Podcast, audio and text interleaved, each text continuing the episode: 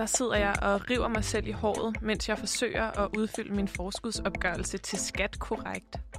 Det er som om, at selvom jeg gør det hvert år, så bliver det bare ikke lettere. Men selvom jeg synes, det er så svært at finde rundt i de her mange forskellige rubrikker, så sidder jeg alligevel hvert år og sveder over at få den opgørelse udfyldt så korrekt som muligt. Fordi jeg ved, at hvis jeg ikke gør mig umage, så risikerer jeg at få et stort skattesmæk, når årsopgørelsen kommer. Og på den måde, der kommer jeg uanset hvad til at betale den skat, jeg skal, enten før eller senere.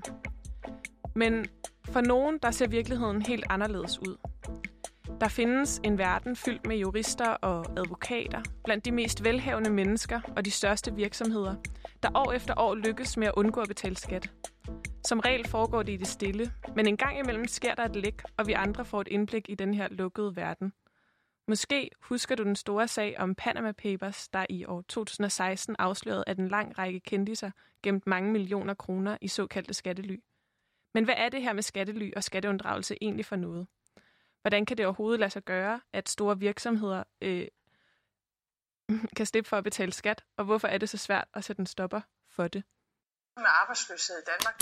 Arbejdsudbuddet vokser, men det er et nominalt princip, der lige så langsomt udhuler blandt andet boligbeskatninger. Finanstilsynet advarer nu mod den digitale myndighed. Pengene skal kunne flytte sig med lynets hast hen over grænserne mange gange om dagen.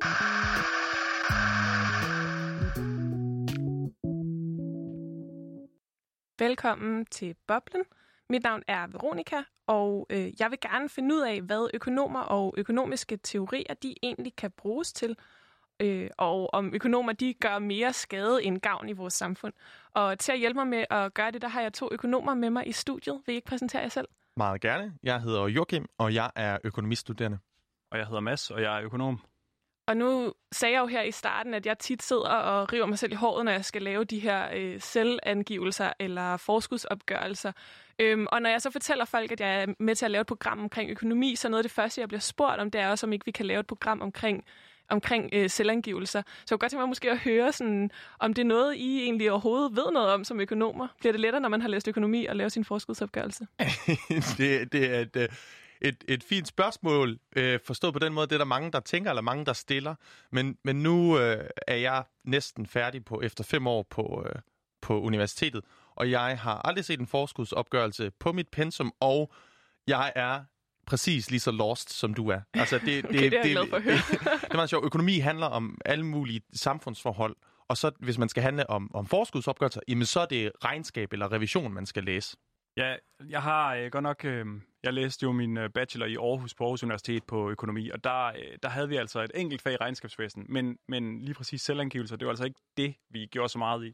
Men jeg kan give dig et lille fif, som jeg i hvert fald okay. selv bruger. Du kan jo, øh, du kan, hvis du gerne vil undgå et skattesmæk, så kan du prøve at være lidt konservativ i dine estimater, og så, øh, så er du fri for det uanset hvad. ja, det, det synes jeg også allerede, at jeg følger sådan nogenlunde. Men i dag, der skal det også handle om skat, men det skal øh, mere specifikt handle om det at undgå at betale skat. Det skal handle om skat og øh, skattely. Og nogle af jer, der lytter med, I husker måske de helt store afsløringer af skattely, som, som der kom for nogle år tilbage, som blev kendt som Panama Papers og Paradise Papers. Og hvis ikke, så øh, kan du lige prøve at høre med på det her klip om den britiske dronning Elisabeths forhold til skattely, som kommer her. Well, they show how the Duchy of Lancaster, which is the Queen's private estate, invested around 10 million pounds offshore. Some of the money went into the off-license chain Threshers, which later went bust, owing more than 17 million pounds in tax. Øh, rimelig mange penge. Øhm, det her øh, læk, det var det, der hed øh, Paradise Papers, men øh, faktisk så har der også været et andet stort læk her for nylig, som var, øh, eller for nogle år tilbage, som var et af de største læk nogensinde, og det var det her Panama Papers. Og Mads, kan du ikke lige prøve at fortælle, hvad det egentlig var for noget, og, og hvad det var, det afslørede? Jo, altså tilbage i 2015, der, øh, der den her ukendte John Doe, som er sådan et øh, anonymt navn, Øhm, han henvendte sig til Süddeutsche Zeitung, og så, øh, så øh, gav han øh, den her enorme mængde hemmelige dokumenter. Vi taler altså øh, øh, op imod altså 11,5 millioner hemmelige dokumenter. Det svarede nogenlunde til 2,6 terabyte, så de har jo bare flyttet sådan nogle kæmpe øh, hard drives øh, rundt for, at, øh, for ligesom at kunne håndtere alt det her, øh, alt de her hemmelige dokumenter. Øhm, og de her øh, to tyske journalister, som arbejdede på sagen i starten, det var alt for meget data for dem. Så øh, de fik ligesom 400 journalister i 80 forskellige lande til at hjælpe sig. Så det her det endte altså med at blive det største øh, læk nogensinde, og større end alle de andre skattelæk, vi har hørt om til sammen, både øh, offshore leaks, Lux leaks, som man har måske også har hørt om, Swiss leaks og, og Paradise Papers, du nævner. Mm, og kan du ikke lige prøve at sige noget om sådan, fordi nu hørte vi lige, at det her Paradise Papers, de afslørede jo øh, den engelske dronning øh, som en, der havde, øh, havde nogle forbindelser til, til skattely, men, men hvad var det ellers? Altså sådan, hvad var det, det afslørede? Sådan, hvorfor var det, at det blev så store, at der var så mange, meget, der, mange, der talte om det? Jamen, jeg tror jo, at de fleste af os har jo nok godt haft en fornemmelse af, at der er uler i mosen her, og der er altså nogle problemer med noget skattely og, og, og skatteundgåelse osv. Men men ligesom omfanget af det, som blev pinligt tydeligt i, øhm, i Paradise Papers, øh, øh, nej, undskyld, i, i Panama Papers, øh, jeg tror, det var det, der virkelig sådan gjorde, at det fik så øh, meget opmærksomhed. Øhm, derudover så er det jo, altså nu nævner du øh, den engelske dronning, som blev nævnt i Paradise Papers, men i Panama Papers, øh, som altså var et år inden, der øh, var det jo regeringsledere i fem forskellige lande, altså Island, Argentina, Saudi-Arabien, Ukraine og de forenede emirater, der også var nævnt to dage efter lækket, så øh, var der en, en islandsk premierminister, der ligesom øh, måtte, måtte gå af. Ja, det kan jeg godt huske, at der var en kæmpe skandale med, med ham. Præcis, så ja. det var altså en masse regeringsledere. Det var et top, top regeringsfolk i, øh, i mere end 40 andre lande. Øhm, altså over hele verden. Nogen kan måske også huske, at FIFA var inddraget, og at en, en populær fyr som Messi, han også var nævnt. Og... Ja, det fik en masse, masse traction, fordi at der var fodboldspillere involveret. Præcis. Så, så jeg tror ligesom, det var de der sådan, personer, som alle kendte, og som vi jo normalt ser som de her øh, succesfulde, øh, altså enten politikere, erhvervsdrivende eller øh, fodboldspillere for den sags skyld, som var im, øh, impliceret i den her enorme skandalesag. Ja, så der, altså, der har været de seneste par år nogle afsløringer af, at det her det er et kæmpe udbredt fænomen, det her med at prøve at undgå at betale skat. Og det er noget af det, vi skal prøve at dykke lidt mere ned i i, i det her program.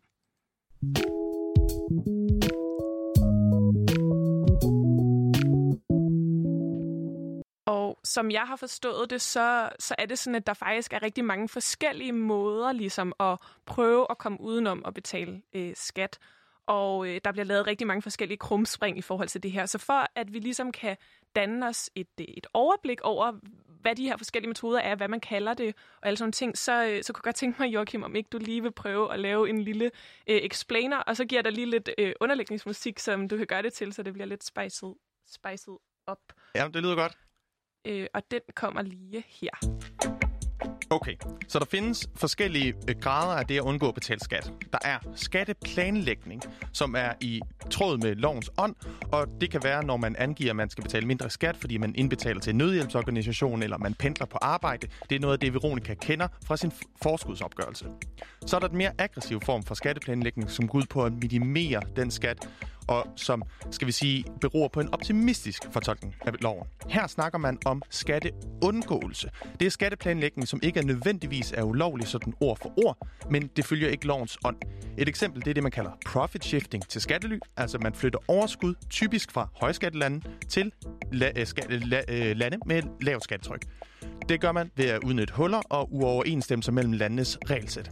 Så er der skatteunddragelse. Det er ulovlig unddragelse af skat, hvor man skjuler skattepligtig indkomst på uoplyste udenlandske bankkonti. Det er direkte ulovligt. Når virksomheder betaler mindre skat, så er det typisk skatteundgåelse. Det er ikke nødvendigvis ulovligt, men det er imod lovens ånd. Det er ikke meningen. Når personer skjuler formuer, som det er kommet frem for leaks, så er det typisk ulovligt. Det er skatteunddragelse.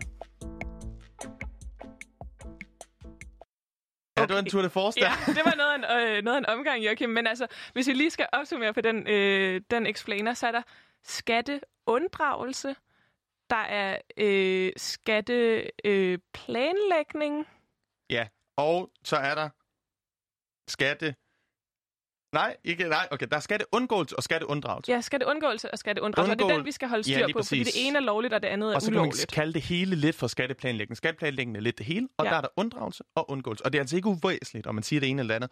Da vi snakkede inden programmet, så kunne vores øh, producer Toga, han kunne fortælle, at han havde øh, hvad hedder det, gået på universitet, hvor at de i universitetsavisen var kommet til at sige, at der var en, der havde begået skatte unddragelse, den ulovlige. Men det, han har gjort, det var skatteundgåelse, og der sagsøgte han dem. Og så må de betale ham kæmpe erstatning, fordi han havde altså kun lavet skattefiflerier, der var lovlige, men ikke i tråd med sko- øh, øh, lovens ånd, men de var ikke direkte ulovlige. Så man skal altså holde pas på derude, om vi siger skatteundgåelse eller skatteunddragelse. Ja, og altså for at vi lige kan måske også øh, forstå, hvorfor der er de her forskellige muligheder, altså det, det virker også lidt vildt, at man ligesom lovligt kan undgå at betale, øh, betale skat, så, så kunne jeg godt tænke mig, at vi måske dykkede lidt ned i sådan det historiske perspektiv på, hvorfor er det egentlig, at de regler, der er i dag, ser sådan ud, som de gør. Og det har du kigget lidt på, Mads. Vil du ikke lige prøve at fortælle lidt om det? Ja, eller i hvert fald på, øh, hvordan det her problem ligesom er opstået. Altså, at det ikke er noget nyt problem, vi taler om her. Fordi skatteunddragelse øh, eller undgåelse, nu ved jeg faktisk ikke, hvad jeg skal kalde det, når jeg taler om det historiske perspektiv, men det er, det er et gammelt fænomen. Ifølge den her professor Ronan Palin fra City University i London, øhm, så, øh, så går det altså helt tilbage til Romeriet og i 300-tallet, hvor øh, romerne de de rige romer, de ligesom begravede deres juveler og deres, øh, deres guld for at undgå en luksusskat. Øhm, så når vi kommer lidt tættere på nu, også kun lidt, så øh, havde vi den franske Bastilledag i 1789, øhm, hvor de svejsiske banker allerede dengang tilbød fortrolighed øh, mod en betaling selvfølgelig, så de rige de ligesom kunne, øh, let kunne komme op og gemme deres formuer fra den franske revolution. Så allerede dengang, der var der nogen, der var i gang med at spekulere i, hvordan de skulle undgå øh, altså få, få deres formue ud, inden revolutionen kom, kan man sige. Eller så jeg tror, øh, de svejsiske bankers ry, det er, det er ikke noget nyt, at det er sådan lidt øh, smusset til. Øhm, der er også en sjov historie i Monaco, hvor man i, øh, i 1869 blev det til et skattely, fordi deres Monte Carlo Casino, som nogen måske har hørt om, det blev så succesrigt, at, øh, at de ligesom kunne fjerne al indkomstskatten. Og det, øh, så er der jo en masse, der gerne vil flytte der til og have, flytte alle deres indkomster til, også så de ikke skal betale skat. Og endeligt så øh, vil jeg nævne og fremhæve øh, New Jersey i USA, som i 1880'erne blev et skattely. Øhm, forstået på den måde, at de ligesom sænkede alle standarderne for, øh, var hemmelige bankerne og så videre må holde øh, information om alle deres kunder. Og, øh, og derfor så kæmpe store trustfonde, som for eksempel Standard Oil, flyttede til New Jersey, efter man, øh, man fjernede den her regulering. Ja, så det kan også være en strategi til faktisk at, at tiltrække altså, nogle virksomheder eller nogle, nogle penge på en eller anden måde, det her med at sænke, sænke skatten. Ja, det tror jeg øhm, i høj grad. Hvad hedder det? Vi skal jo også, altså nu befinder vi os jo i Danmark, og, øh, og der bliver jo diskuteret ret meget for tiden omkring skattely. Det er jo sådan en politisk, øh, øh hvad hedder det, øh, altså ja, en politisk sådan, varm sag. Øhm, og derfor så kunne det også være meget spændende at prøve at finde ud af lidt om, sådan, hvorfor er det systemet er sådan, som det er i Danmark i forhold til, hvordan virksomheder skal betale skat. Og jeg ved, Joachim, at du har været ude og snakke med en, der ved rigtig meget om det. Kan du ikke lige prøve at fortælle, hvem det er? Ja, det, det har jeg nemlig. Og jeg tror først, jeg vil sige, at at øh, det, det er ikke kun et, et spørgsmål om, hvordan man har det i Danmark, men, men når man skal se på det her, så handler det om internationale skatteregler. Og øhm, de er jo så internationale og gælder ikke kun for Danmark. Nå. Men der er vi meget heldige, at, at i Danmark der har vi nogle, nogle dygtige forskere, som ved rigtig meget om det her. En af dem, det er Ludvig Vier, og han er ved Universitetet i Kalifornien, der hedder Berkeley, og han har lavet noget øh, forskning om skattely, som, som er blevet meget, meget prominent, fordi han har estimeret, hvor store er nogle af de her flows. Nå, ham har jeg så videre at snakke med. Og øh, først så spurgte jeg om, kan du ikke give lidt baggrund? Hvad er, hvad, hvordan er den her lovgivning opstået, og hvordan, øh, hvordan er det, at vi har fået et system, som, hvor det er nemt, eller man i, i nogen grad, uden øh, hvis man har de rigtige midler, kan betale meget lidt i skat? Og det skal vi lige høre et klip fra her. Tilbage i 1920'erne, der, øh, der var det multinationale selskab stort set ikke øh, en ting. Øh, så de udgjorde kun 1% af verdens profit. Øh, så det var sådan et, det var et ret nicheområde, det her med beskatning af multinationale selskaber. Folk var grundlæggende lidt ligeglade, øh, fordi at, at det, det var bare ikke særlig vigtigt.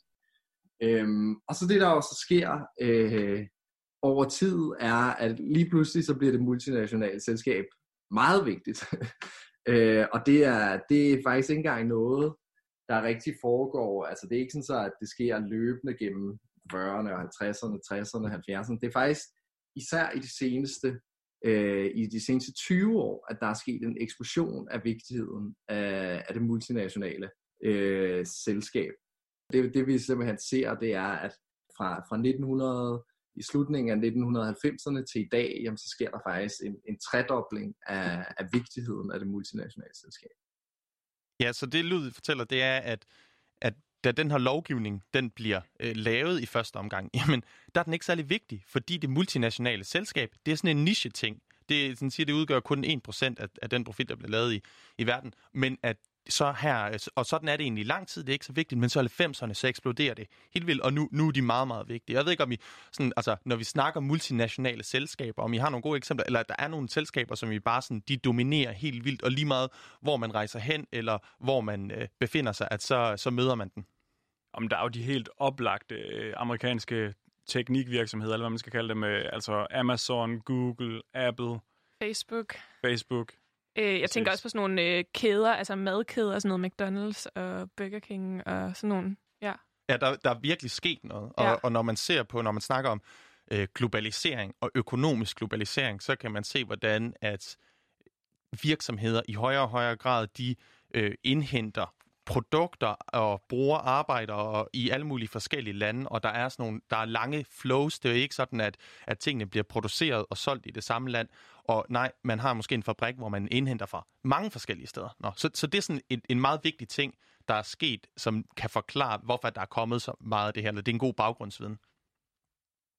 Men øhm, nå, når spørgsmålet var jo så, jamen, hvem var det, der lavede den her lovgivning? Og, og der fortalte Ludvig, at det var faktisk det var sådan fire økonomer kun.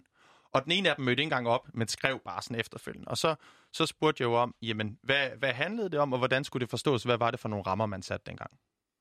Øh, og det som de her tre plus en økonomer så blev enige om, det var, at, øh, at profit øh, skulle ligesom beskattes der, hvor øh, den var blevet skabt. Øhm, og, øh, og, øh, og man kan sige, det, det, var, det var så det fundament, der blev lagt, øh, og, øh, og, og den grundlæggende idé var, at multinationale selskaber, jamen de eksisterer ikke. Det, der eksisterer, det er en samling af, af nationale enheder, så der findes ikke Google, der findes Google USA, Google Danmark, Google Irland, Google Bermuda. Øh, og de skal bare behandles ligesom et hvert andet øh, nationalt selskab, og nu har de tilfældigvis så bare samme ejer. Og så kan man så sige, hvordan, hvordan skulle man så gøre det her i praksis? Beskatning af dem her, der var det så, at man introducerede det her armslængdeprincip, som er, jamen hvis nu bare, at vi siger til Google, at Google skal ignorere, at Google Danmark og USA hænger sammen, jamen øh, så skal de jo bare opføre sig over for hinanden, som om de ikke har noget med hinanden at gøre. Øh, og de skal bare handle, som de vil have handlet med en hvilken som helst ekstern partner. Øhm, og det, det var ligesom, øh, altså lige så snart det her blev lanceret, så datidens økonomer, der ligesom så det her, de var sådan, jamen det her det er jo helt håbløst, altså fordi sådan rent konceptuelt giver det jo ikke mening, altså du er jo et, et multinationalt selskab, fordi du laver noget helt ekstraordinært sammen, som du ikke gør med eksterne aktører. Så, så hvis vi beder jer nu om at ignorere, at I hænger sammen, jamen hvad, hvad betyder det overhovedet? Øhm, men øh, fordi det var så uvigtigt et område, så øh, faldt de her kritikpunkter ligesom lidt hen i glemmebogen. Ja, så kritikpunkterne faldt hen i glemmebogen, men det er altså åbenbart lige fra begyndelsen været, været et problem, sådan rent konceptuelt, som han siger. Altså, det giver ikke mening, fordi et, et multinationalt selskab er en enhed, som er særlig, og derfor kan man ikke lade som om, at man ikke har noget med hinanden at gøre. Altså, de fleste øh, af os vil jo nok tænke, jamen Google Danmark, det er jo også en del af Google, og ikke mm. sit eget selskab. Ja, man tænker jo også, at altså, de penge, som der bliver tjent, altså de går jo også på en eller anden måde til den samme pulje. Altså selvfølgelig er jeg med på, at der er nogle forskellige afdelinger og alt muligt, men, men grundlæggende så tænker jeg jo, hvis jeg går ind på McDonald's og køber en cheeseburger, så går pengene jo grundlæggende til McDonald's som samlet koncept. Jeg, jeg, jeg tænker også, det lyder helt vildt altså, underligt et eller andet sted, at det, altså, der er jo en eller anden administrerende direktør et eller andet sted, som ligesom er shotcaller, og som, ja, som administrerer de her Google Danmark og Google så videre rundt omkring. Altså, det, det virker jo helt vildt underligt, at man kan betragte det som forskellige virksomheder, der handler uafhængigt af hinanden, når det ikke er rigtigt. Jamen, det virker også lidt vildt, altså, at man sådan, hvis, altså, som, hvis, som der bliver sagt i klippet, at der allerede dengang var kritik, og også det her med, at man ligesom har, har lavet en model, som på det tidspunkt, altså på det tidspunkt er de multinationale selskaber så småt begyndt at være der, og man har ligesom ikke tænkt fremad, virker det som om, man har måske mere bare tænkt sådan, det fylder ikke så meget lige nu. Ja, altså, det, han, det Ludvig fortæller, er jo, at man har kritiseret det. Men der blev ligesom ikke gjort noget ved problemet, så at sige. Men, men det er meget vigtigt, det der koncept armslængdeprincip. Vi hører det i, i forskellige sammenhænge, også nogle gange i politiske debatter, men man bruger det så specifikt her inden for, for, for skatteregler og international beskatning til at beskrive, jamen her er der to øh, en transaktion, en betaling internt i en virksomhed, som svarer til, hvis det var to uafhængige. Og det, man kan sige, det er, jamen, Google Danmark, de laver godt nok, øh, hænger sammen med Google, men de laver noget i Danmark. Så derfor så kan de ligesom bestille nogle services fra Google, som Google kunne give til et andet selskab. Men, men det, det er jo typisk den måde, man tænker det på. Men jeg synes jo så, at når Ludvig fortæller mig, de her ting, så sidder jeg også, så kan jeg huske, så sad jeg jo med, med et spørgsmål om, hvad pokker skal man, hvad pokker skal man så gøre, eller det kan, det ikke, det kan ikke rigtig passe, og der fortalte øh, Ludvig sådan, jamen historisk set, hvad, hvad blev der sagt til det her, eller hvorfor blev der ikke gjort noget ved det? Der er sådan nogle fantastiske citater helt tilbage, jamen helt tilbage fra, øh, fra, fra 29, hvor at, at franskmændene øh, ligesom pointerer, jamen de kan se det her problem med amerikanske sel- selskaber, der smuler deres profit ud af, ud af landet, og øh, hvor den amerikanske repræsentation så siger, at de nægter simpelthen at, øh, at snakke om de her regler ud fra andet end et princip om det hederlige selskab. Altså så de, de vil ikke gå med på en diskussion, der handler om, at amerikanske selskaber skulle udnytte reglerne, fordi selvfølgelig øh, gør man ikke det. Øh, så det er helt tilbage fra, øh, det er helt tilbage der i, 1929, og det er sådan en, øh, der bliver så lavet sådan en gentleman's agreement om, jamen selvfølgelig de her regler, de kan fungere, fordi at selskaber skal nok være hederlige. Og i dag så er det jo helt tydeligt, at når Google får lov til at opføre sig som om, at det bare har en samling eksterne selskaber, jamen så har Google jo et meget stort økonomisk incitament til at handle på en måde internt, sådan at hele deres overskud ender i Bermuda, hvor selskabsskatten er nul. Så man kan se, at der er de her principper, de dækker simpelthen, altså fra 1920'erne, de, mange af de principper, det der armslængde-princip, det holder stadigvæk i dag. Men at, men at lydet klar jo så også, at der blev lavet en gentleman's agreement om, at vi lader lige være med at udnytte det her. Og så kommer det. Men kan det holde? Altså, hvad tror hvad er det? Der er nogle spørgsmål om, hvad driver adfærd? Altså, hvis der er det her system, som tillader øh, at man kan minimere sin skattebetaling. Vil det så altid ske, tror jeg? Altså, det er i hvert fald det, som alle de her lektier har, vi, har vist, eller leaks, altså sådan, at, øh, at, det, at når der er en mulighed, så bliver den også brugt. Altså, det er jo det, som de har afsløret, at, øh, at det er ekstremt udbredt faktisk. Ikke? At der er folk, der sidder, eller ekstremt udbredt, men at der i hvert fald er en stor gruppe af meget, meget rige mennesker, som faktisk tænker i det her, så, og, og virksomheder. Så jeg, jeg tænker, at sådan, det er svært at gå ind i sådan, det psykologiske, sådan, det ved jeg heller ikke så meget om, men, men det vi kan se er i hvert fald, at der jo er nogen, der bruger det. Men man kan måske også lige fremhæve et eksempel på det modsatte. Vi har hørt fra Lars Larsen, for eksempel herhjemme i Danmark, som sådan har slået meget på, at man altså skal betale den skat, der ligesom hører til i samfundet. Så, så det er jo ikke sådan bare fordi man ligesom er kæmpe stor, så betaler man heller ingen skat. Der er også de her sådan familieejede virksomheder. Jeg ved ikke, om det er, altså om det er et kendetegn ved familieejede virksomheder, at de så er mere, eller om det er et andet kendetegn, der gør det, men, ja, det, er rigtigt, men det findes. Ja. Men det er i hvert fald det, det er meget interessant så, at der er både sådan nogle idéer, der informerer vores adfærd sådan i forhold til, jamen, bør man betale sin skat, eller bør man ikke? Og så snakker man jo så i økonomi tit om incitamenter og siger, okay, der er et økonomisk incitament, altså der er en økonomisk gevinst ved at gøre det, og det er jo i hvert fald noget, der skubber i retning af, af eller tilskynder den her adfærd i, i nogen grad, kan man, kan man argumentere for. Men, men øh, jeg spurgte jo så øh, Lud, hvad så over tid, af, hvor, hvor, hvor, hvad der ligesom sket med, med selskabsskatten, og, øh, og, og hvor, hvor, hvor står vi hen i dag? Altså hvis vi går øh, 40 år tilbage i tiden, så var den gennemsnitlige skatterate faktisk øh, nær 50% i verden. Øh, med tiden er der så sket et, et, et, et, et, det, vi populært sagt kalder et ræs mod bunden, øh, som er, at der øh, på verdensplan er sket en, øh, en halvering af den øh, globale selskabsskat, så vi nu er nede under øh, 25% i gennemsnit som selskabsskat. Og der, der kan man så se, at Danmark, jamen vi ligger faktisk øh, lige under verdensgennemsnittet med en skatterate på, øh, på 22% Så Danmark, øh, især i sammenligning med, øh, med store økonomier som, øh, som Tyskland og, og Frankrig, jamen øh, så, så har vi faktisk lige en moderat lavere skatterate. Øhm, hvilket igen, når man ser på, hvorfor er vi endt her, hvor, hvad har argumentet været for det? Jamen det har været lige præcis, jamen så kan vi, vi kan ligesom beskytte vores skattebase ved at gøre Danmark til et attraktivt land og øh, placere sin aktivitet og sine profitter i, øh, ved at vi ligesom har den her lavere skatterate. Og problemet her er selvfølgelig, at øh, år efter år, så sidder forskellige lande, øh, nu senest England kommer nok til at tage et, et stort dyk i deres øh, rate og øh, komme under de 20 procent. Øhm, og, og argumentet er altid det samme. Jamen, vi skal have en kompetitiv skatterate, vi skal ligesom beskytte vores skattebase, øh, vi skal sørge for, at vi er et attraktivt land at rapportere sin øh, profit øh, i. Og det, det, problemet er jo, at, at, at hvis man fremskriver den her udvikling, øh, jamen så, øh, så ender vi jo et sted, hvor, at, hvor at alle taber, fordi at der er ingen, der har øh, nogen selskabsskat.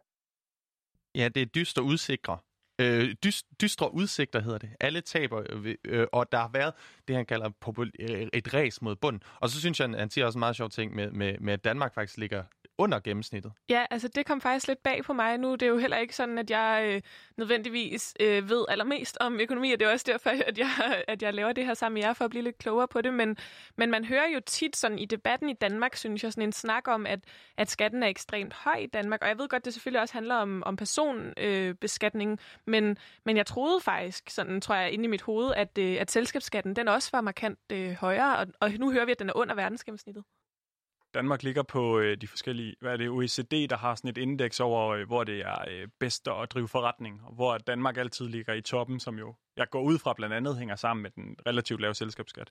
Men derudover, så har vi jo altså også en masse afgifter, og vi har jo også øh, relativt højere lønninger til medarbejderne, så der er også nogle omkostninger ved at lave øh, drive forretning i Danmark.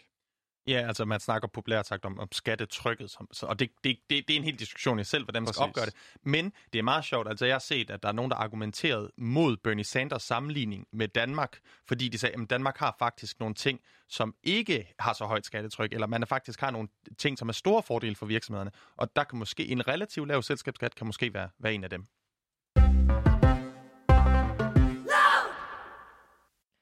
Ja, og øh, du lytter øh, til Boblen på Radio Loud, hvor jeg, Veronika, sammen med to økonomer, Mads og Joachim, vi prøver at forstå, hvad skattely det egentlig er for noget, og hvilke krumspring, som store virksomheder de laver for at undgå at betale skat, og hvordan man overhovedet kan komme til det.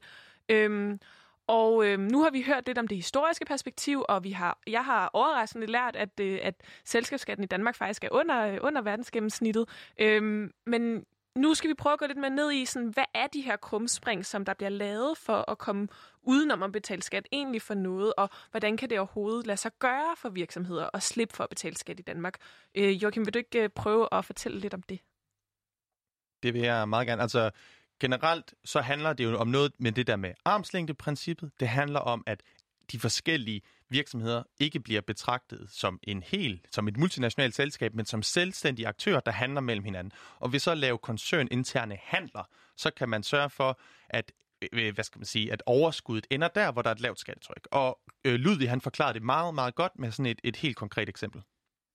De formår øh, år efter år at rapportere øh, over 20 milliarder dollars i, øh, i indkomst i, i Bermuda, og det gør de simpelthen ved, at øh, de for, øh, for lang tid siden, lige før at de øh, gik på børsen, jamen så solgte de deres øh, søgealgoritme til en uvis pris, til en ukendt pris, til dem selv på Bermuda.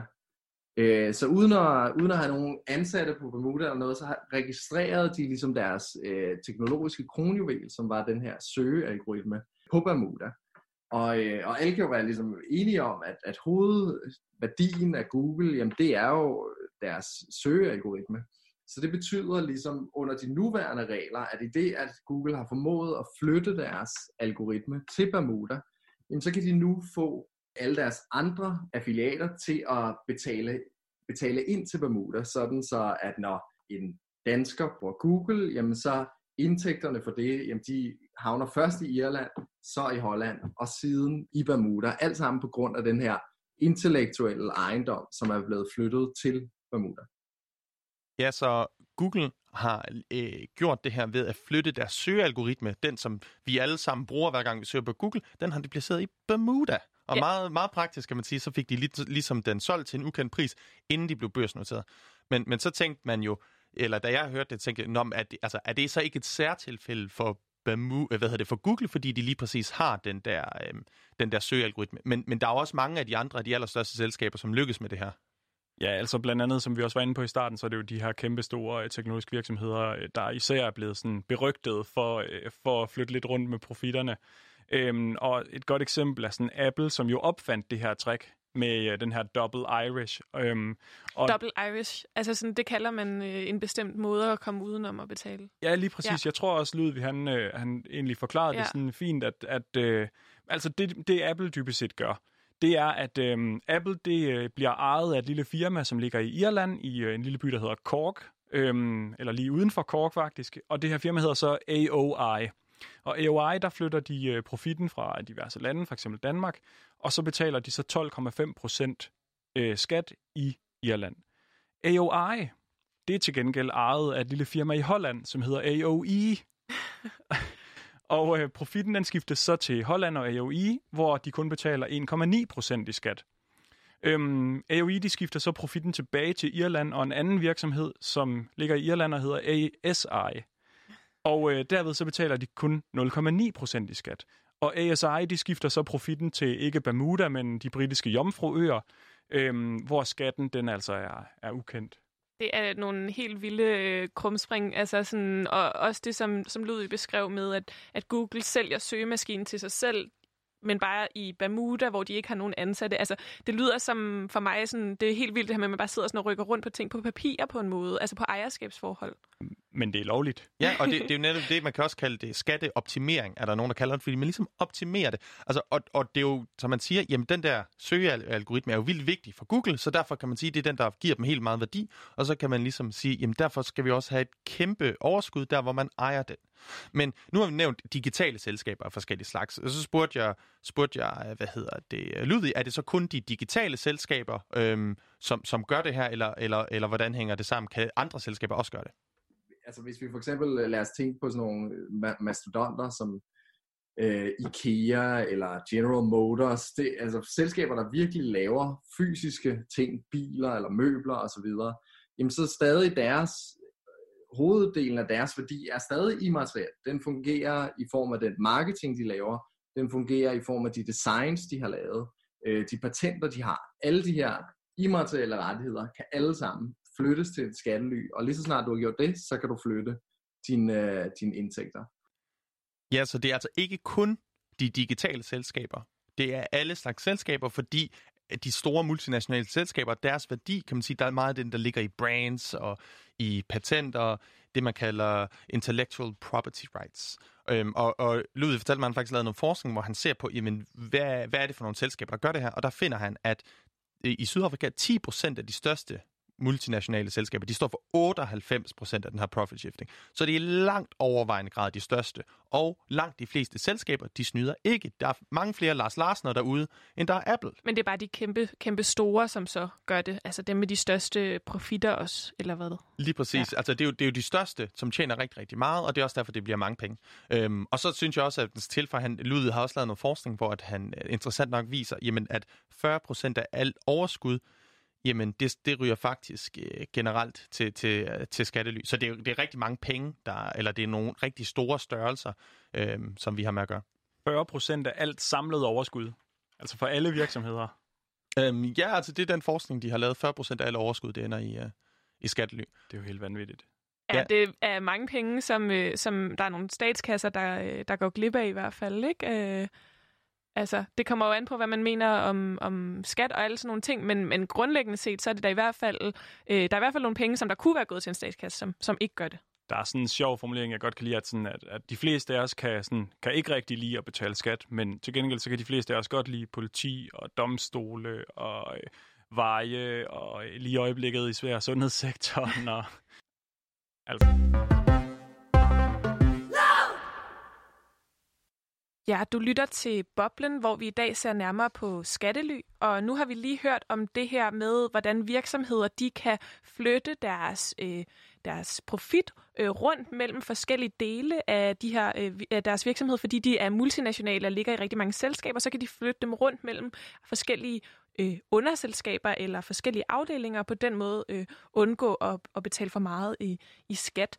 Øhm, og selvom at det er en, en metode, som altså bliver rimelig meget brugt, og især af de allerstørste virksomheder, så synes jeg også, at det lyder som en ekstrem kompliceret øh, metode, som det må være svært at finde rundt i. Der er rigtig mange regler, som man skal have styr på, og øh, det er nok ikke noget, jeg selv lige kunne gøre med min egen, øh, min egen indkomst. Så derfor så har jeg, der tænker jeg på sådan, altså, hvem er det egentlig, som navigerer i det her? Hvem er det, der muliggør, at det her kan finde sted overhovedet?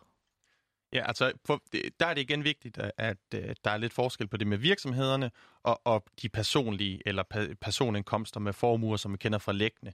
Men, men generelt så er det jo folk, der har sat sig ind i det her system, og øhm, hvad kan man sige, der, er, der er en lang række konsulenthuse, der er en, øh, hvad hedder det, en øh, advokater, alle sådan, alle sådan nogle steder, hvor du kan få juridisk hjælp eller få hjælp til din virksomhed.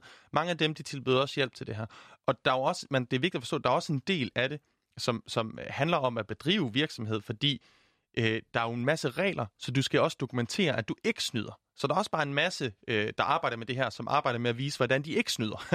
altså det er en, også en kæmpe del, og der skal du have alle virksomheder, de skal have transfer pricing dokumentation, som det hedder, som er det der, der viser, hvordan de, hvor, hvor de har overskuddene henne, eller hvordan de, hvordan de sælger i, i, i internt. Men så er der også på for personer, og der kan du hyre nogen, det lyder som en ret vild industri der, men der er, sådan, der er en hel industri, der hedder wealth managers, som hvis du har, har en masse penge, og du helst ikke vil øh, betale skat, øhm, og du vil helst ikke have din formue skrumper, jamen så kan du, så kan du hyre dem. Så du kan høre nogen, der kan hjælpe dig til, hvordan du kan slippe for at betale for meget i skat i forhold til, hvad du gerne vil. Simpelthen. Ja, det lyder ret vildt. Øh, vi har fundet et, øh, et lydklip, som lige skal introducere lidt til, til den her verden. Prøv lige at, øh, at høre med her. At IG, we share all the changes in your life. We're there with you through the challenges and the successes. Because the wealth in life is being able to embrace more of life's possibilities. Welcome to a new way to see wealth. IG Wealth Management. Welcome change. Ja, det her det var et, øh, et klip for, øh, for en af de her øh, virksomheder, som, som laver det her wealth managing, øh, hvor man simpelthen kan, kan få hjælp. Noget af det, der står inde på deres hjemmeside, er, at de blandt andet kan hjælpe med at øh, undersøge, hvordan man kan, kan slippe for at betale for meget i skat. Altså, hvordan man kan, kan sådan optimere eller skatteplanlægge. Er det ikke det, du kalder det, Joachim? Jo, der er nemlig skatte, skatteplanlægning. Ja. Øhm, så de her wealth managers, de kan ligesom hjælpe med at planlægge, hvordan man kan betale mindst muligt skat. Og det lyder som en ret vild industri, og jeg forestiller mig også, at de nok også skal have en, øh, en rimelig god hyre. Altså, Joachim, altså, hvor rig skal jeg være, før det kan betale sig for mig at hyre sådan en wealth manager? altså, umiddelbart ret rig, tænker jeg. Altså, øh, det handler meget om, øh, hvad skal man sige, ikke nødvendigvis at tjene flere penge, som man kender det fra investeringer. Det handler om at undgå at miste penge øh, til skat. Og nu siger jeg miste, det er jo, kan man sige, om det er det ord, man skal bruge. Men, men, men øh, det er kun, altså, det er kun kæmpe enorme summer. Det er også derfor, det hedder, hedder wealth management, tænker jeg. Altså, du, du skal simpelthen være mega wealthy. Man kan også høre, at de har, de har virkelig flottet sig med PR-strategien der. Altså, jeg ved ikke, om det var den, der måske gjorde, at du begyndte at overveje, Jamen, det om det, det var noget ja. for dig, Veronica. Ja. Ej, jeg, jeg betaler min skat med glæde. Jeg er glad for især i de her tider, at, øh, at øh, leve i et land, hvor at der bliver brugt penge på sundhedssystemet og sådan noget, at vi alle sammen har adgang til det. Men øh, det er da lidt spændende, synes jeg, altså, at der er de her folk, som kan hjælpe en med at komme udenom reglerne på en eller anden måde. Det er, det er vildt spændende. Og øh, det er sådan, at den eneste, det Ludvig er ikke den eneste, jeg snakkede med til det her program. Jeg snakkede også med Christian Halm fra Oxfam IBIS, en international øh, NGO, og han er skatteekspert der og beskæftiger sig med international beskatning, både i forhold til personer lidt, men også meget i forhold til virksomhederne. Men jeg spurgte ham med de her personer, jamen kan du ikke lige forklare, hvad er det, der sker der? Fordi det er nogle andre dynamikker, end, end dem, vi lige har hørt om med virksomheder. Når rige personer gemmer formuer i skattely, så bidrager det selvfølgelig øh, enormt meget til at øge uligheden. Og vi ved, at det er et kæmpe problem. Vi ved fra den forskning, der er, at det er omkring 8% af verdens formuer, der er gemt i skattely. Vi ved også fra skattelækager, såsom øh, Panama Papers øh, og amnestidata for skattemyndigheder, at langt størstedelen af de her penge, de er altså ikke angivet til, til hjemlandenes skattemyndigheder.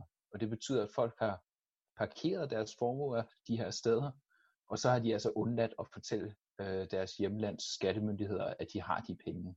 Og det betyder, når der løber, kommer løbende afkast i form af renter, så det afkast, der løbende er på det, det bliver ikke beskattet. Det er måske ikke øh, kæmpe beløb, øh, du og jeg modtager i renteindtægter osv., men hvis man har meget store formuer, så løber det altså op i rigtig mange penge sådan det bedste estimat, vi har, det er, at det er lige underkanten af, af 200 milliarder dollars øh, om året. Så det er enorme summer, og som, som øh, hvad hedder det, øh, i forhold til de begreber, jeg snakker om tidligere, jamen så er det her ofte skatteunddragelse, fortæller, fortæller Christian, at det er ofte ulovligt. Så, så det er ikke nødvendigvis den der skatteplanlægning, øh, øh, som, som er den lovlige, øh, som mange virksomheder laver, som, som øh, hvad hedder det, er den, vi kalder skatteundgåelse, og det er ofte skatteunddragelse. Og så, så kunne jeg så spørge, lidt i tråd med øh, dig, Veronica, der, øh, Veronica, der spurgte mig tidligere, hvor mange penge skal jeg have? Det er sådan, hvem er det så, der gør det her? Det er ekstremt koncentreret omkring øh, de allerrigeste. Og når jeg siger de allerrigeste, så mener jeg ikke bare den rigeste ene procent. Vi snakker den rigeste ene promille. De folk, der, som vi ved fra, fra lækager og andet, der har parkeret de her formuer i skattely, er ekstremt koncentreret omkring de, de aller, aller rigeste. Øhm, så det er et enormt ulighedsproblem. Det er også øh, et ulighedsproblem på den måde, at problemet er størst i udviklingslandene. Så igen fra forskning ved vi, at, at omkring øh, 30 procent af, af, af formuerne fra, fra det afrikanske kontinent er gemt i skattely, hvorimod det for Danmark ligger omkring 5 procent formentlig. Så det er de aller, allerrigeste, og det sker også rigtig meget i, i det globale syd eller i udviklingslandene. Ja, og et eksempel på, øh, på det, som, som jeg har hørt om i, i øh, en TED-talk af selveste James Henry. Han er øh, ligesom lead researcher ved Tax Justice Network. Øhm, og han, øh, han fortæller altså om, hvordan Zambia de producerer kover, og øh, så eksporterer de det. Og de har så øh, de sælger så kover til Schweiz for cirka 10 milliarder pund om året. Øhm, men Schweiz de importerer altså ikke øh, det her kover fra øh, Zambia. Hvis Zambia de havde den indtægt, som Schweiz ligesom sælger koveret videre for, fordi de jo selvfølgelig importerer det, øhm, så ville Zambias BNP altså stige med 25 procent om året. Det lyder, det lyder helt vildt. Ja, det lyder helt, helt vildt. Og, men, og det, der også er spændende, synes jeg, i det her klip, du lige havde med, Joachim, det er også det her med, sådan, det er jo både, når det altså, handler om produktion og, og virksomhed, men også sådan, øh, altså, når, når rige mennesker på en eller anden måde sådan, gemmer deres, øh, deres penge i, i skattely, altså sådan, det kan også, øh, det bliver jo også, der bliver de her øh, uligheder jo også tydelige så, altså mellem lande det er helt sikkert, at der er nogle mennesker, der har mulighed for at gøre det, der har ressourcer til at gøre det, og så andre, der ikke har det. Og det er ofte et argument faktisk for, hvorfor det er problematisk fra et økonomisk, teoretisk perspektiv, måske særligt i forhold til virksomheder. Jamen det er, at der er ulige konkurrence, forstået på den måde, at nogen kan gøre det, og så kan de ligesom geninvestere eller få øh, større aktiepris, eller hvad det måtte være, mens andre virksomheder ikke kan. Og så på den måde øh, kan det være, at der er nogle virksomheder, som faktisk er øh, bedre end andre, men som ikke kan komme frem, fordi de ikke har, kan udnytte den her fordel. Ja, så det ender med sådan at blive nærmest omvendt af en progressiv skat. Det vil sige, at jo større man er, jo mindre betaler man faktisk mm. i skat. Altså ifølge ham her, James Henry, jeg nævnte før, så han siger også, at det er jo en, en industri, der, der vokser og buller derude. I 70'erne var der 50 skattely i verden.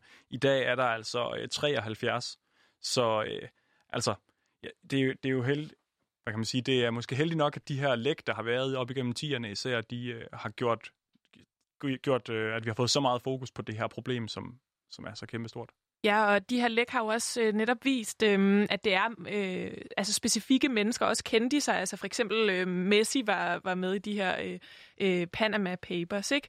Øhm, det er meget, skuffende. Meget skuffende. Det er skuffende. Øhm, og, og de har jo nok, nogle af dem har nok fået hjælp af de her wealth managers, kunne man forestille sig, øhm, til at, at finde ud af, hvordan man kunne gøre det her. Og Joachim, før vi begynder at lave det her program, så fortalte du mig, at du har øh, haft en underviser, som faktisk har en form for insiderviden omkring den her verden. Ja, jeg har faktisk haft en underviser, som er uddannet wealth manager. Det er ret sejt. Øh, forst- ikke nødvendigvis værd, være det, men forstået på den måde, hun gjorde det i forskningsøje med. Hun hedder Brooke Harrington. Hun har undervist på, på CBS. Det gør hun ikke længere. Men, men der læste jeg, og der havde jeg hende nogle fag. Og det jeg fortalte om hun, hun om sin forskning, og det hun har gjort, det var, at hun har fundet en, den skole, der er sådan en uddannelse, kunne hun fortælle, hvor man kunne blive wealth manager, og så uddannede hun sig selv, tog hun bare to år, og så lavede hun det, man kalder et feltstudie, hvor hun sådan sagde, nu bliver jeg wealth manager, men jeg er faktisk også lige sociolog, og må jeg stille dig nogle spørgsmål om, hvorfor du gør, som du gør. Og det var et kæmpe forskningsprojekt, som hun udgav en bog om, og så fortalte hun jo nogle af de historier til forelæsningerne. Og er der de var altså vildt spændende det kan, jeg, det kan jeg udmærket forestille mig. Er der kun én skole, siger du, altså i verden eller i... Ja, det, altså, nej, der, Hvorhenne? der er mange måder, man kan øh, komme ind i det her på, men det var det, hun fortalte lige i forhold til det her wealth management specifikt. Og, men det var ikke noget af det, hun, øh, hvad hedder det, det var det ikke noget af det, vi brugte så meget tid på i, i forelæsningen, og det, altså, Okay. det ved jeg ikke så meget om. Jeg vil hellere fortælle, hvis jeg må, en af, nogle af de historier, hun fortalte. Fordi Ja, det kunne være spændende hun, at høre hun, lidt. Hun kunne så fortælle, at jamen, der var nogle af dem, hun havde interviewet, der var nogle, de havde pralet med, at, at man i Singapore havde over, sendt dem deres udkast til skattelovgivning. Vil I lige tjekke den her igennem? Synes I, at det her det er okay, hvis I nu får lov til at ændre på skattelovgivning? Vil I så ikke nok komme med jeres formuer til os?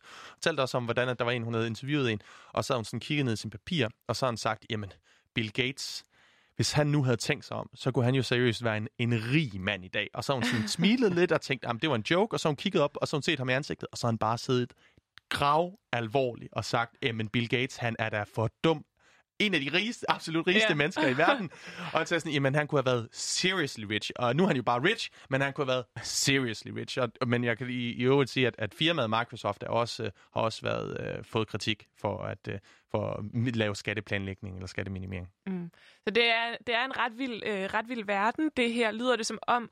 Og, øh, og meget spændende også lige at få et indblik i, at der faktisk er øh, en hel masse, øh, der sidder og, og faktisk dykker ned i, hvordan man kan gøre det her, arbejde strategisk med det. Ret vildt, at, øh, at de har så stor indflydelse, at øh, der også er lande, der måske endda sender deres øh, skattelovgivning øh, forbi for at bruge det øh, som en strategi til at, at lokke, øh, lokke folk til.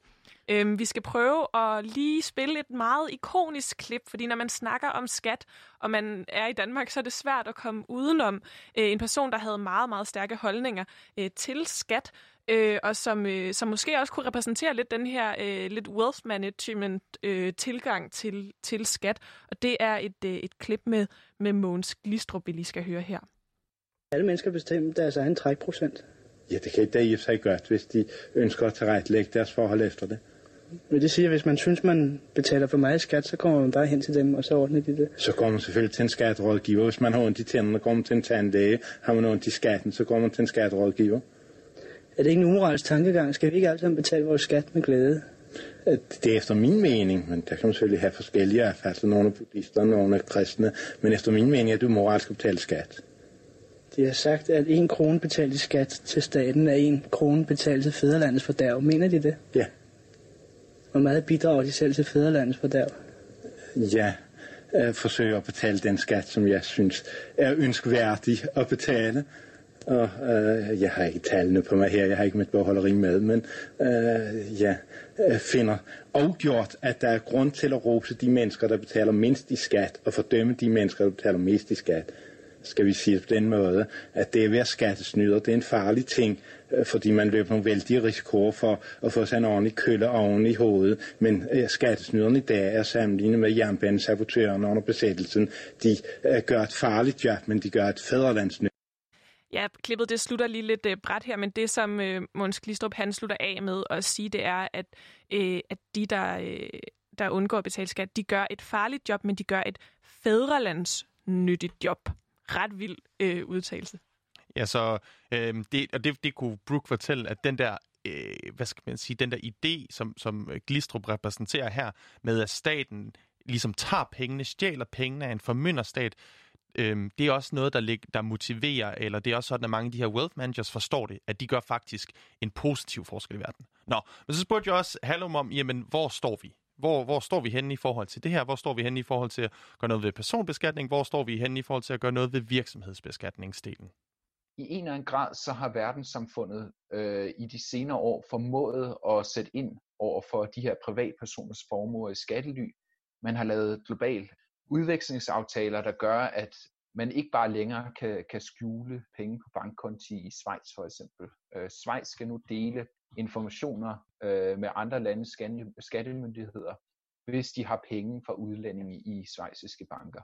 Så det er jo rigtig fint. Øh, vi har ikke noget lignende rigtigt på selskabsskatteområdet. Vi mangler de der globale aftaler, der kan gøre noget ved problemet.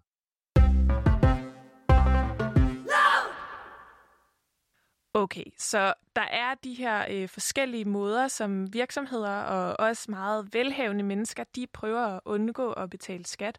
Og det er så en gang imellem blevet afsløret, øh, i de her forskellige læk, som vi har snakket om.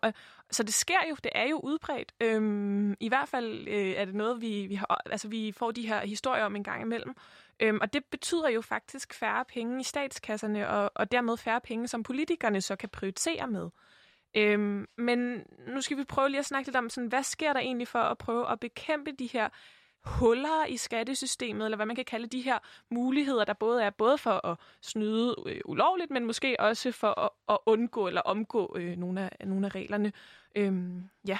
Ja, og, og det, det snakkede jeg med både, med både Ludvig og, og Christian om, og øh, der er flere forskellige slags øh, løsninger eller initiativer, og en af de, sådan, dem man har hørt lidt om i medierne, og noget, som der også har været fremhævet, det er skattely-lister, med lister over lande, der er skattely. Og det, det spurgte jeg dem, er det en god idé? Skattely er altså ikke kun små trohøer. Det er også øh, store udviklede lande øh, her i hjertet af Europa, landet øh, Holland, Irland og Luxembourg. De er jo på forhånd undtaget øh, EU's skattelyliste, øh, og det, det gør jo, at, at øvelsen ligesom på forhånd er øh, meningsløs fordi vi ved, at der er nogle af de værste steder, som er, som er fritaget den her liste.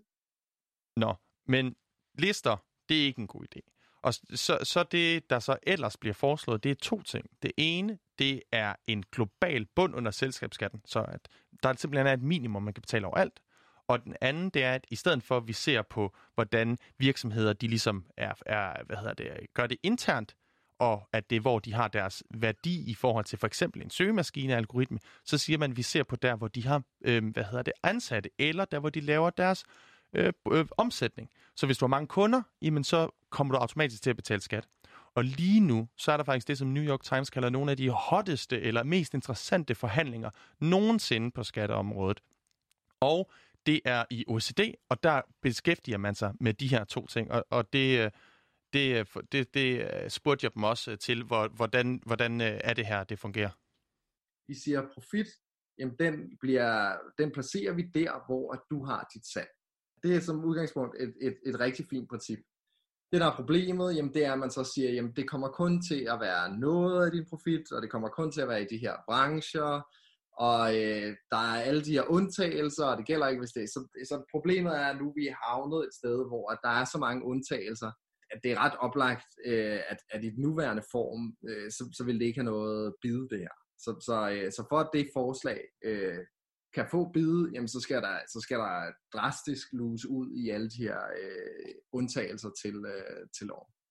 Ja, så det der med at fordele det efter, hvor man ligesom har sit, sit salg, det ser ud til, selvom at det i teorien er en vild god idé, det er også noget, man har diskuteret i EU i mange år, men der er mange lande blokeret det. Blandt andet de skattely, der ligger i, i EU. Danmark har også blokeret lidt. Nå.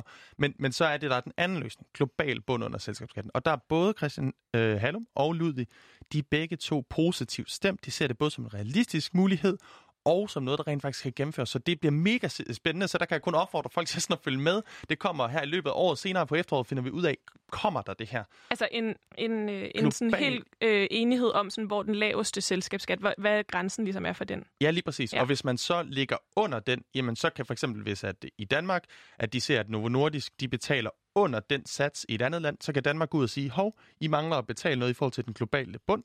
Det indkasserer vi ligesom det, der ligger oveni. Okay, så det bliver sådan et, på en måde også et sådan globalt øh, sådan solidarisk øh, system, Lige præcis, og det, det, det er nemlig det, man skal gøre. Man skal angribe det her globalt. Og så er vi tilbage ved at se virksomhederne som en samlet ting, og ikke som små, øh, hvad skal man sige, eller som enkelte virksomheder for, i forskellige lande. Og øh, hvis, altså, hvis man skal sige noget øh, generelt om det her, så er det løsningerne, de findes, men så det politiske spørgsmål, hvad så med forhandlingsprocesserne, kommer det her igennem, er der interesser, der kæmper imod osv.? Okay, vi øh, er ved at være noget lidt til vejs ende i det her program. Vi har hørt om øh, de her forskellige leaks. Vi har hørt om historien bag, øh, hvordan skattely er opstået, og vi har hørt lidt om, hvordan det rent faktisk fungerer, at virksomheder og også personer, de kan slippe for at betale skat. Helt kort, øh, inden vi slutter af, Mads og Joachim, kan I ikke lige komme med en pointe, som I synes, det er vigtigt at tage med fra det her program? Jeg synes jo, det er vigtigt at, at tage med, at, øh, at man ligesom at den her skatteundgåelse og så videre, der, der foregår, at det, øh, altså der er både det her det lovlige og det ulovlige, og på en eller anden måde, så er der nogle loophuller i lovgivningen, som, som det ligesom kræver noget politisk vilje i de forskellige lande at få løst, og det er måske i særdeleshed i, øh, i det rige nord, og, og specielt i Storbritannien, at, øh, at det desværre er et problem. Ja, altså, og så andre EU-lande. Det er også ret interessant det med, at det er en masse EU-lande. Holland og Irland er blevet nævnt i dag. Men jeg tror, jeg vil fremhæve det med, at vi, der faktisk altid, vi har, altså hvis du spurgte de rigtige personer, så vil de altid kunne sige, at det har faktisk hele tiden været et problem. Og også, at der er løsninger. Altså, det er et problem, der kan løses. Så det er et politisk spørgsmål. Så ved, for forskning ved vi, at det her sker på massiv skala, og øh, økonomer kan også hjælpe med at fortælle os, hvordan vi skal adressere det her. Så altså, det er bare, at den politiske, det, at det, nu det, du ved, den politiske arena, det ligger, det, det synes jeg er, er vildt spændende at være til med. Og det skal man prøve at følge med i her det kommende år, hvor de her forhandlinger, de altså kører. Det var alt for den her gang. Tak fordi I lyttede med, og tak Mads og Joachim, fordi I vil være, være med. Selv tak. I lige måde.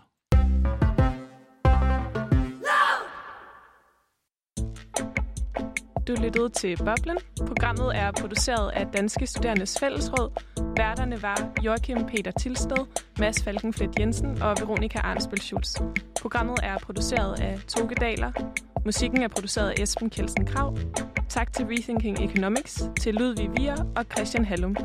Og tak til jer, der lyttede med. Hvis du sidder tilbage med nogle spørgsmål til økonomi, eller hvis du har undret dig over noget, som du har hørt økonomer og andre eksperter snakke om i forhold til økonomi, så vil vi rigtig gerne høre fra dig, så vi kan lave et program om de spørgsmål, som du sidder med. Send dine spørgsmål ind til boblen eller find Radio Loud på Facebook eller Instagram.